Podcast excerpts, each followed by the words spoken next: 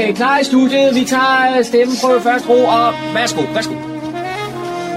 Du lytter til din egen radiomodtager. Fremragende, den er købt. Vi tager den, den her. Okay. Goddag og rigtig hjertelig velkommen her til programmet, der hedder Morgenkrøden. Mit navn er Kurt Gammersgaard. Jeg har fornøjelsen her de næste to timer at sætte noget sammen, som vi skal måske kan hygge sig også lidt med. Og jeg kan godt sige, at det er ren, ren hygge øh, i dag. Det er det eneste dag, der kommer. Øh, I tider, hvor man ikke må samles ret mange af gangen, men mindre man er udenfor, så kan man godt være en par stykker eller tre. Det har John benyttet sig af. Altså John Marco med den nyske mikrofon. Han er nemlig at være en tur ude i, gå i skoven. Ude i Gribskov. Og det har han gjort sammen med, øh, sammen med naturvejleder Nils Henriksen. De mødtes ude ved Ingehavehus ude i Gribskov, og så gik de en tur rundt om blandt andet Gribsø, og hørte lidt om, øh, hvordan naturen ser ud nu, og hvad er det, vi kan forvente her de næste to-tre måneder, hvor der sker en utrolig masse ude i, i, øh, i øh, vores natur derude. Og det er noget, vi alle sammen kan benytte os af nu. Man kan gå en tur ud i skoven og nyde alle de forskellige ting. Og det er noget så det, som øh, John han også kommer ind på, og i øh, indslag her, hvor vi skal have masser af information, øh, og så skal man lige have en fornemmelse af, at, øh, at foråret er lige på trapperne. Jeg lover ikke for meget, men er i hvert fald lige på trapperne. Og så skal vi snart ud og, kan man sige, og høre nattegalen igen. Selv om det blandt andet er noget af et problem. For nattegalerne, de er nede på cirka 10 procent, hvordan det var i tidligere tider. Det er der måske ikke nogen, der har tænkt over. Så hvis man endelig hører det, så skal man lytte godt efter. Daniel har som altid kigget lidt på de lokale nyheder, som kommer fra humleborg.dk. Og så er disse tider, fordi vi ikke må samle så mange, jamen så har jeg kigget lidt tilbage på, at jeg har fundet øh, noget, jeg har øh, sat sammen på et tidspunkt. Og det er nok forbeholdt de lidt ældre, for at ikke sige meget ældre personer, der vil kunne have glæde af det. Det er nemlig et musikprogram, øh, som man siger, sammensætning af gamle revyviser. Det er så nogle fra under krigen og lige efter krigen, og jeg ved ikke hvad. Øh, men der er sikkert nogle af vores lytter, der vil kunne øh, lytte genkendende til nogle af numrene. Dem, øh, det øh, bruger jeg den anden time af vores udsendelse det her, til i dag, ved at fortælle lidt om, øh, om gamle revyviser, og så spille nogle af dem på den gamle gramofon, fordi øh, det har jeg været nødt til at finde øh, en gammel gramofon frem, der kunne spille 78 plader. Og øh, det er jo ikke alle gramofon, det kan det. Men øh, sådan en har vi, og den er fundet op, og den er ledning er sat i, så den kan gå ind over min mixer, så vi kan spille de gamle numre. Det gør vi så her sidst i udsendelsen. Så det bliver faktisk det eneste indslag, vi skal have i dag her. Altså tre indslag, øh, hvor det er først i naturen, så er lokale nyheder med Daniel, og derefter gamle revyviser. Velkommen til. Rigtig god fornøjelse de næste to timer.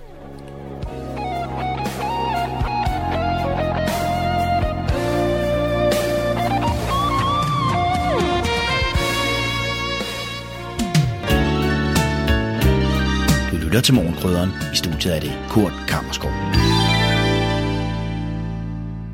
Turen er gået til Gribskov, hvor jeg har en aftale med naturvejleder Nils Henriksen.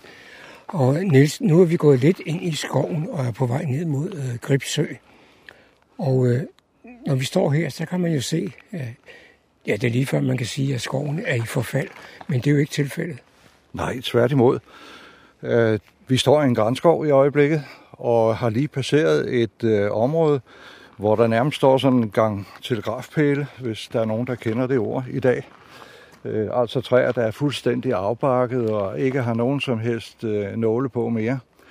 De vælter jo på et tidspunkt, og det betyder, at øh, mulighederne for øh, dyr og svampe øh, bliver langt, langt større. Altså det vil sige, det vi snakker om, når vi taler om biodiversitet, det sker rent faktisk her i Gribskov i øjeblikket. Det er dybt spændende, og det er meget, meget nødvendigt. Der er altså ikke tale om sløseri. Slet ikke. Øh, Jeg kan lige tage en øh, gammel historie. Du nævnte det selv øh, på vej hertil, at øh, du havde været ude sammen med en skovfod, som ikke synes særlig godt om, at skoven skal ligge hen på den her måde. Men jeg oplevede en gang for allerede øh, 20 år, eller måske 25 år siden, skoven, øh, jeg var oppe i sammen med en, en øh, hel del vandrende folk. Det var Nordskoven oppe ved Jægerspris. Og der var en, en ældre herre, sådan på en øh, ja, 70-75 år, som kiggede ud over landskabet og opdagede, at der lå en, en hel masse store gamle ege, som var faldet om. Og han blev nærmest rystet, da jeg fortalte ham, at sådan skulle det være. Og han blev ved på hele vores tur og famle med det her, at under 2. verdenskrig og i slutningen af 2. verdenskrig, der havde man simpelthen været ude og fjerne alt, hvad der var af ved, alt, hvad der var af træmasse, selv rødderne, øh, for at kunne forbrænde. Og han var dybt ulykkelig over det, han så. Nu inden vi kommer alt for godt i gang, så kunne du måske fortælle lidt om den lokalitet, vi er på, nemlig Gribskov. Ja, Gribskov er jo fra tidernes morgen noget, man kunne gribe. Det er øh, i virkeligheden et rigtig gammelt ord, øh, som siger, hvis du kan, så tag, og øh, så er det dit øh, for evig tid. Og der blev også bygget en øh, hel del landsbyer herinde i, i øh, den nuværende Gribskov. Og den øh, blev som så mange andre skove øh, hugget ned. Og da vi når omkring 1700, så er øh, stort set alt skov i Danmark, også Gribskov, væk. Derfor så træffer man en beslutning omkring 1750-60, at øh, nu skal der genskabes skov i Danmark, fordi man havde jo ikke noget at bygge af. Man havde ikke noget at lave skibe af.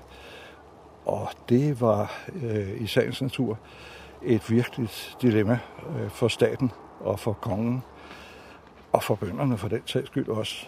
Så på det tidspunkt, så får man von Lange, som er en forstmand fra Tyskland, herop til Danmark, og han begynder at øh, fortælle, hvordan man skal opbygge skovene igen.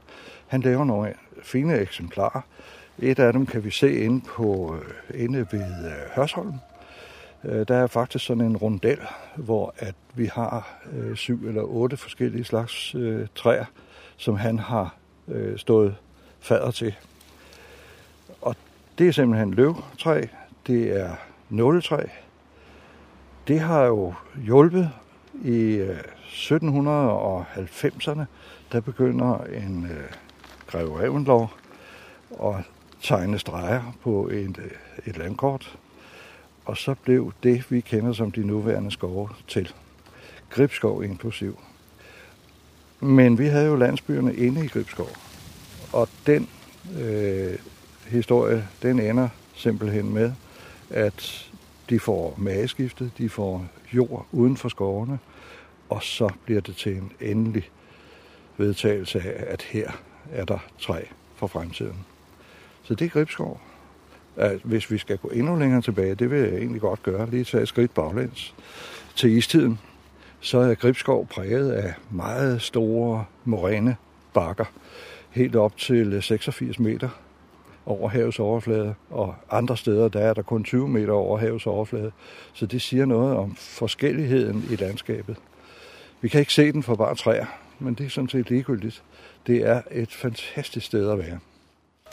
Som sagt, så er foråret på vej, og et af de tydelige tegn, det er, at der igen kommer liv i myreturene, og vi er netop stanset ved en. Ja, vi er godt nok oppe i Gribskov, og det vil sige, det er de store skovmyrer, vi har, de røde myrer. Og øh, de er aktive øh, næsten hele vinteren, hvis der bare kan komme en lille bitte smule sol. Men nu i marts, der er de i fuld gang med at reparere de skader, som er kommet efter øh, sortspillerne, der har øh, forsøgt at, at få bugt med dem i løbet af vinteren. Meget skægt at se. Og så lige netop nu, øh, så er de på vej hjem, de her myrer, vi kan se, med en, øh, en stor larve. Øh, en af de larver, som lever inde i træ, som vi jo ikke normalt ser, men de har altså hapset sådan en. Du kan også en, en, en lille fortælling om, hvad fuglene gør, hvis de har utøj. Ja, det er rigtigt. Altså, hele vinteren her har de jo haft lopper og lus og fjermider, og jeg ved ikke hvad. Så øh, når lejlighed byder sig, og det er jo netop nu, så kommer de og, og øh, øh dykker ned i overfladen af sådan en myretue, og begynder at ligge og baske med vingerne, fuldstændig ligesom hønsene i en hønsegård, hvis nogen har lagt mærke til det, når de støvbader. Her er det bare myrebade i stedet for, og det, den myresyre, som, øh, som myrerne sprøjter ud over fuglene, den får de altså stor fornøjelse af, fordi alle deres, alle deres små øh, indbyggere i fjerdragten, de forsvinder i løbet af et døgns tid eller to. Vi er nu øh, midt i foråret. Vi nærmer os øh, 1. April. Og da vi talte sammen, du og jeg, over telefon i januar måned, der var vi lidt inde på, at de sidste mange års vintre, de har været... Ja, det har faktisk ikke været vinter, men, men så sker der noget lige der i starten og i midten af, af februar. Ja, okay. Temperaturen faldt, og øh, et par enkelte steder var den nede på minus 15. Men øh, det er jo egentlig meget normalt, og det skyldes sådan set de svingninger, som vi, øh, vi ser øh, globalt. Øh, fordi når det bliver varmt, og det var det faktisk på Grønland på det her tidspunkt, der var vi oppe på en 5-6 grader. Og når det sker, så bliver det koldt her. Det er sådan en oscillation i virkeligheden i, øh, i luftmasserne, der betyder, at vi har, øh, vi har en, øh, en form for vinter på den måde. Vi så det samme i USA, at flere steder, Michigan for eksempel, øh, New York også, blev ramt af snestorme og voldsomt vejr. Øh, jeg vil ikke kæde det direkte sammen med, øh, med det, man snakker om i dag, og snakker meget om i dag, nemlig klimaforandringer. Men det er nogle tidsoscillationer simpelthen i det højere luftlag, der gør det. Og nu er vi over det. Vi har en lille smule nattefrost i øjeblikket, men øh, få dage frem, så er jeg ret sikker på, så er foråret endelig frem. Og det får mig så til at, at spørge dig, hvad er det, vi skal holde specielt øje med nu? Er det trækfuglene, der trækker nordover, eller er det dit fugle, der kommer op til os, eller er det andre ting i naturen? Det er næsten begge dele. Altså for allerede to uger siden begyndte tranerne at komme hertil og flyve videre op i Sverige. Og gæssene øh, lettede fra markerne her for nylig, øh, sammen med sangsvanerne, som skal helt op i det nordlige øh, Rusland og øh, ud til Sibirien for at yngle derop. Så det er i gang, i fuld gang. Jeg har ikke set nogen af, af de småfugle, som bebuder foråret herhjemme. Ikke her i hvert fald i Nordsjælland, men øh, jeg vil også skyde på inden for øh, højst 14 dage, så har vi dem. Den optagelse, som vi er i gang med nu, Niels, den skulle gerne dække øh, perioden april, maj og juni. Og så kunne vi starte med april.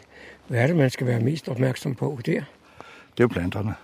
Der kommer jo allerførst øh, brændenælder, og så kommer øh, de forskellige øh, andre spiseplanter. Jeg, jeg har faktisk hørt, at, øh, at øh, ramsløgene allerede er, er godt på vej.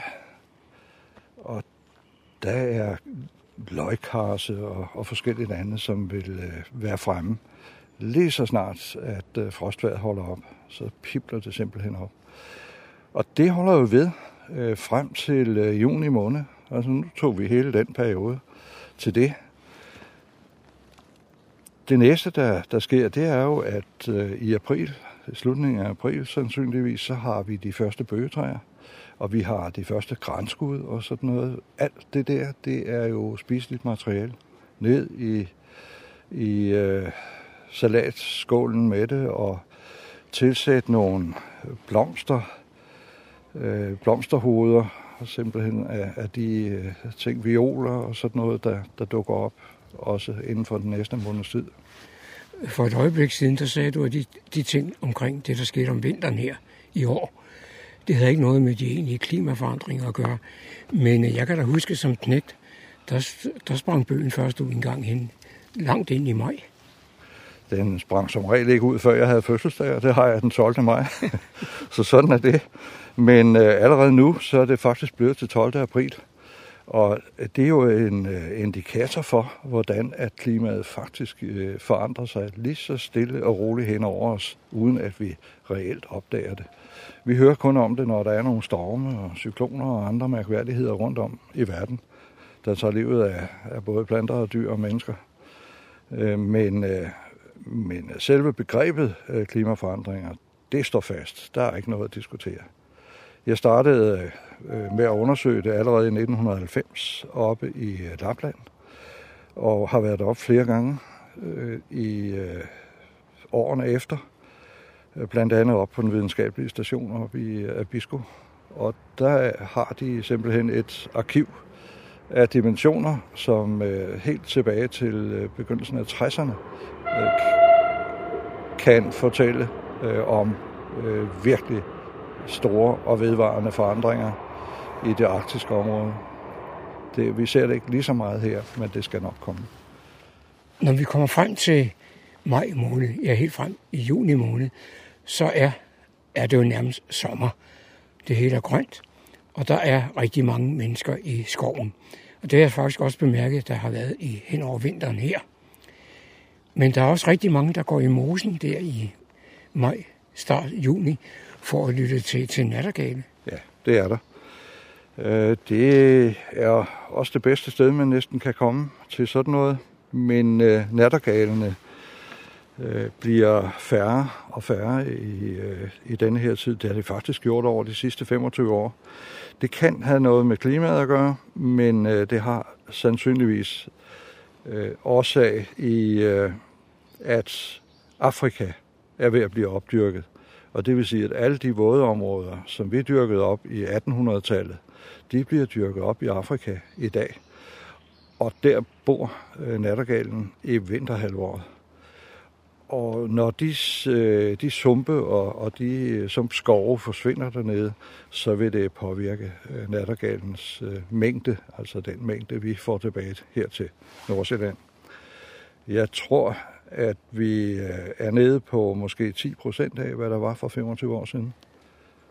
Nu er vi efterhånden nået frem til, til Gribsø, og, og øh, her der yngler der jo en, øh, jeg ved ikke om den er sjældent, men ikke en helt almindelig øh, øh, øh vand, vandfugl. Ja, det er en dykand. Det er vinanden, som vi også finder i Sverige og Norge. Men øh, den har faktisk eksisteret her i Danmark i de sidste 50 år, vil jeg tro. Øh, som en ret sjælden fugl, men nu efterhånden, som tiden er gået, så kommer flere og flere øh, vinænder øh, til og, og bliver her, altså overvintrer her.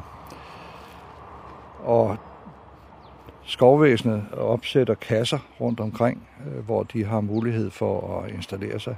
Det er gerne en, en øh, stor trækasse, der, øh, ja, man kan vel sige, det er en ølkasse, der er hængt op på træ.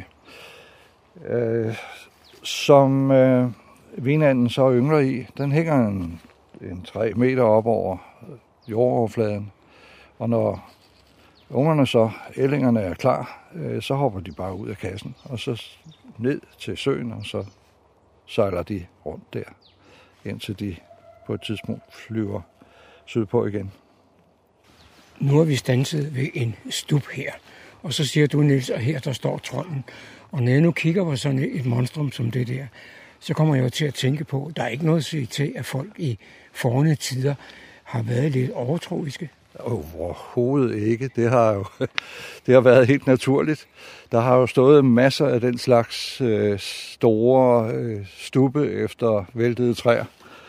Og vi har jo historier om, øh, hvordan man holdt børn væk fra moserne og sådan noget, som øh, vel også er kommet af den måde, man har set naturen på dengang.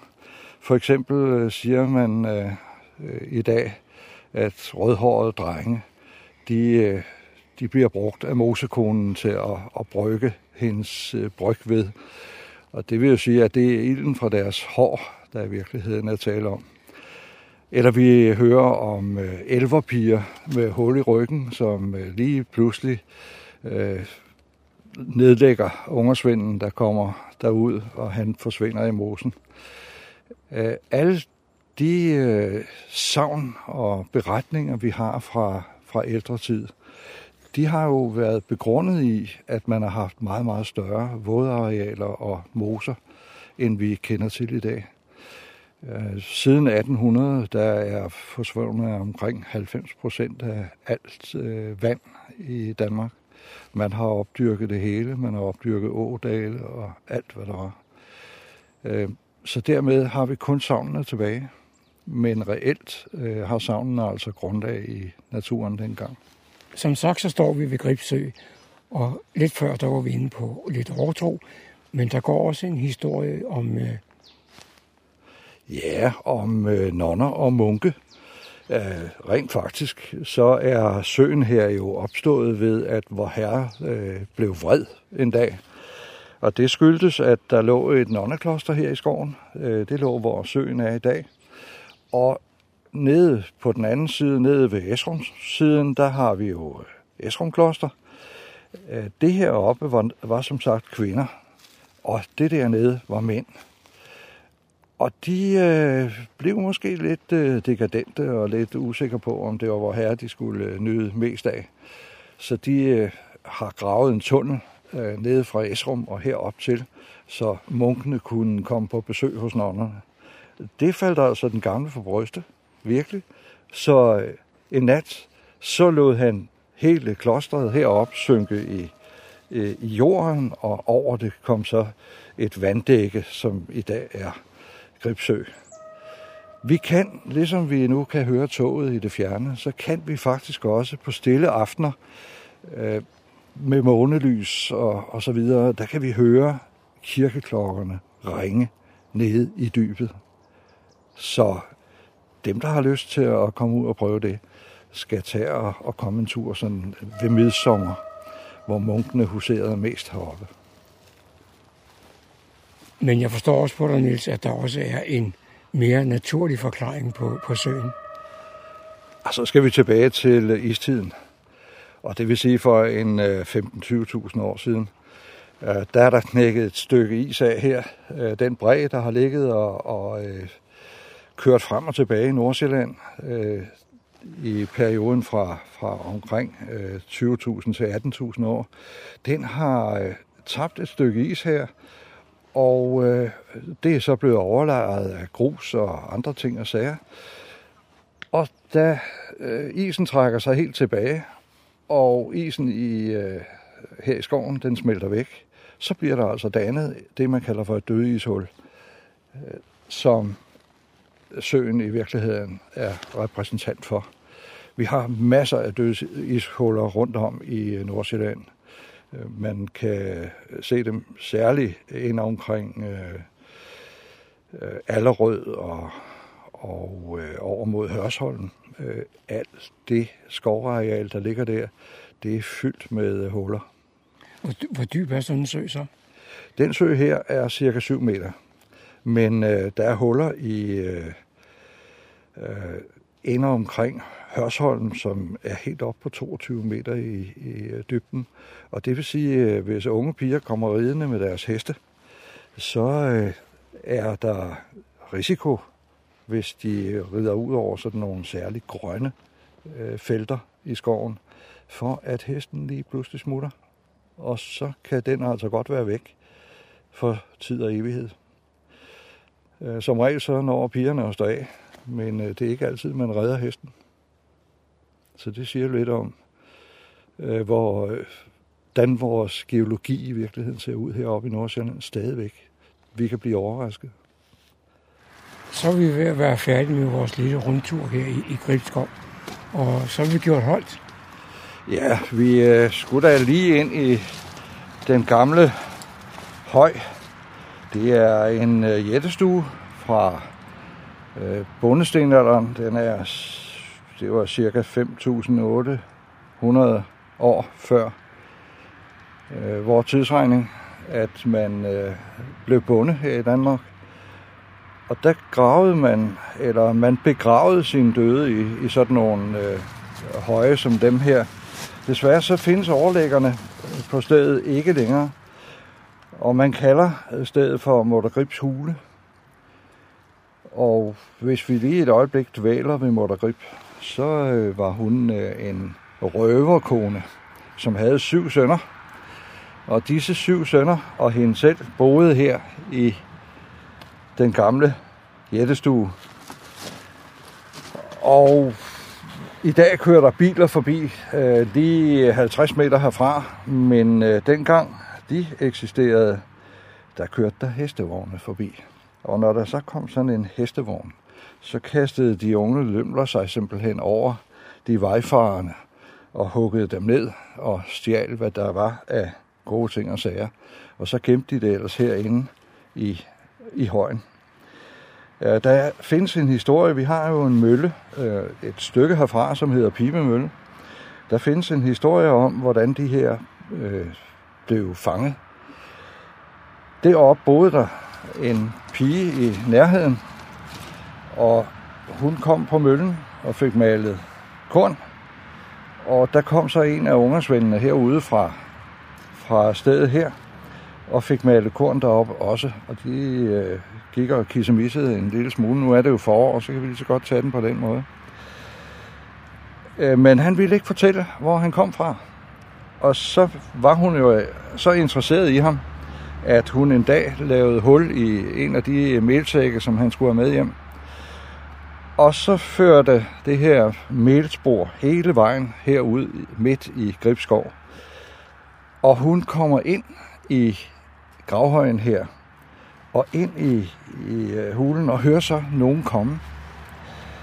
Og hun kaster sig ind under en seng, der står her. Derinde ligger der tilfældigvis en afhugget finger, ringfinger, øh, med en ring på.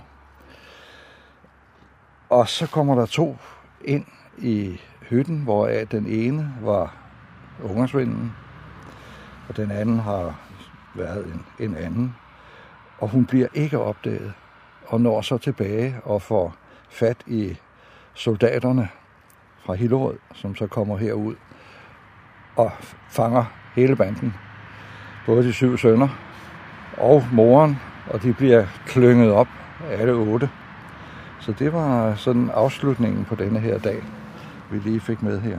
Nu er turen her i Gribskov ved at være, være slut. Og så kommer jeg til at tænke på, Niels, du er jo, som vi startede med at sige, naturvejleder. Men der er jo ikke så meget at øh, vejlede i øjeblikket.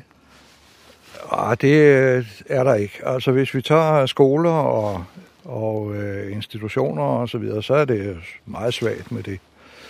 Øh, men vi får alligevel tilrettelagt nogle ting. Jeg øh, arbejder øh, netop nu på en øh, plan, øh, som gerne skulle komme til at dække hele nationalparkområdet, det vil sige de fem kommuner heroppe i, i Nordsjælland hvor vi laver noget, der hedder Junior Ranger, og det vil sige, det er et amerikansk koncept fra 1930'erne, som vi tager herover nu og, og øh, delagtiggør øh, skolebørn i.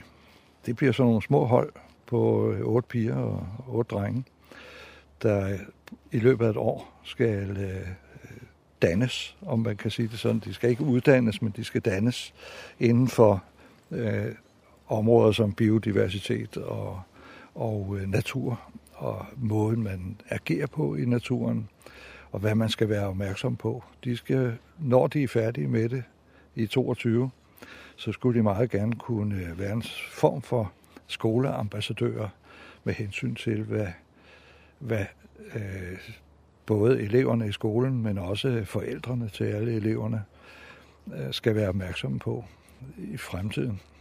Så der bliver alligevel lavet noget, og det øh, bliver spændende at se, hvordan det kommer til at gå efter sommerferien. Det var John Marco, der havde produceret dette indslag. Så er det igen gået hen og blevet tid til lokale nyheder. De er hentet fra humleborg.dk, oplæst og redigeret af Daniel Jørgensen. Gør noget godt for nærmiljøet og tjen samtidig penge til klubkassen. Det kan du gøre under konceptet Ren Natur, der er et selvstændigt koncept under ledelse af Hold Danmark Rent. Et koncept, der binder kommuner, virksomheder og frivillige sammen i en bestræbelse på at skabe endnu mere rent Danmark uden affald i naturen. Nordsjællands Park og Vej og Fredensborg Kommune er en del af dette fællesskab. Ren Natur har til formål at skabe bevidstgørelse om henkastet affald, styrke sammenholdet lokalt og skabe glæde ved naturen.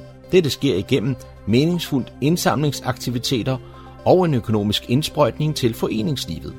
Som lokalforening har man en særlig indflydelsesrig rolle her i kommunen og i nærområdet, og det kan være med til at styrke social sammenhængskraft og lokalsamfundet. Så har man en forening, som gerne vil bruge en formiddag eller en eftermiddag på at samle henkastet affald op i perioden maj til oktober 2021, kan man modtage et sponsorat på 3.000 kroner. Man bestemmer selv, hvilken dag og tidspunkt, at man vil have en masse frisk luft og godt samvær, og samtidig være med til at bidrage med at skabe en renere og dermed tryggere nærmiljø miljø. På Ren Naturs hjemmeside fremgår det, hvilken indsamlingsruter der er i Fredensborg Kommune. Til indsamlingsopgaven vil man modtage alt det udstyr, som der er brug for til at samle affald op med, det vil sige sikkerhedsveste, handsker, skraldeposer, snappere osv. Nordsjællands Parkervej vil efterfølgende hente affaldet, som der er blevet indsamlet. Nu kan man kontakte sit lokale bibliotek i Fredensborg Kommune og få en af børnebibliotekarerne til at gå på jagt på bibliotekets hylder og finde det allerbedste læsestof til børnene i familien. Da man på grund af coronarestriktioner stadig ikke kan besøge bibliotekerne i Niveau, Fredensborg og Humlebæk, som man plejer, for selv at finde de gode pegebøger, billedbøger, fantasyromaner eller let læselige bøger, så har man altså nu mulighed for at skrive til bibliotekets børnebibliotekar. Så vil de nemlig sammensætte et godt udvalg af bøger, som kan afhentes i bibliotekernes nødåbningstid og lånes med hjem. Det eneste, man skal gøre, er at udfylde en kontaktformular på bibliotekets hjemmeside, hvor man skriver lidt om alder, interesseområder og hvad ens barn godt kan lide at læse, og så vil man blive kontaktet af personalet. Fredensborg Bibliotekerne har nødåben for afhentning af bestilt materiale mandag til torsdag fra 12 til 17 og fredag og lørdag fra kl. 10 til kl. 13. Fredensborg er et godt sted at bo, det ved vi godt, og det er det også for småfuglene. Unge fra Fredensborg Kommune har via Ung Fritidsjob produceret ikke mindre end 100 fuglekasser, som i den seneste tid er blevet sat op ved skoler og daginstitutioner rundt om i kommunen. Fuglekasserne skal gerne gøre det nemmere for musvitter, gråspurve med flere at finde en god bolig og forhåbentlig også bidrage til, at vi får flere småfugle i vores kommune. Ung Fritidsjob er en ordning, som skal hjælpe unge godt i gang med det at have et fritidsjob, og som drives af Ung Fredensborg. Samarbejdet mellem Ung Fredensborg og Kommunens Center for Ejendomme og Intern Service fortsætter med andre projekter til gavn for både unge og udearealer. Det var, hvad vi havde fundet frem af lokale nyheder, hentet fra humleborg.dk. De var oplæst og redigeret af Daniel Jørgensen. Du lytter til morgenkrydderen.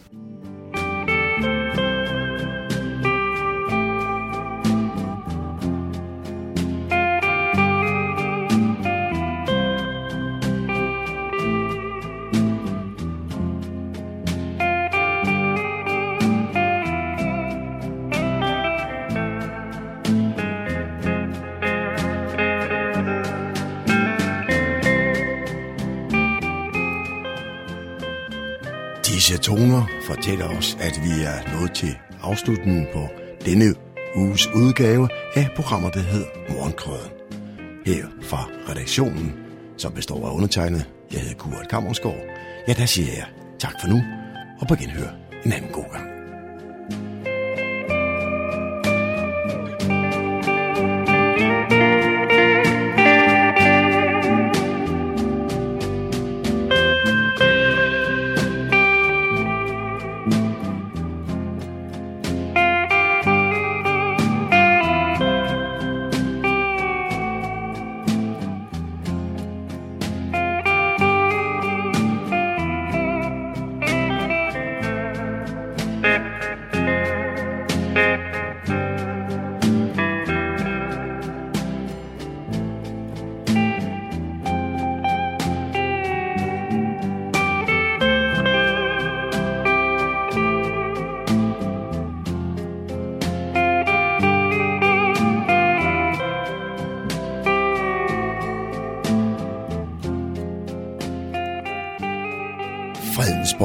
Lokalradio, Radio Humleborg, Nordsjællands mest voksne lokalradio.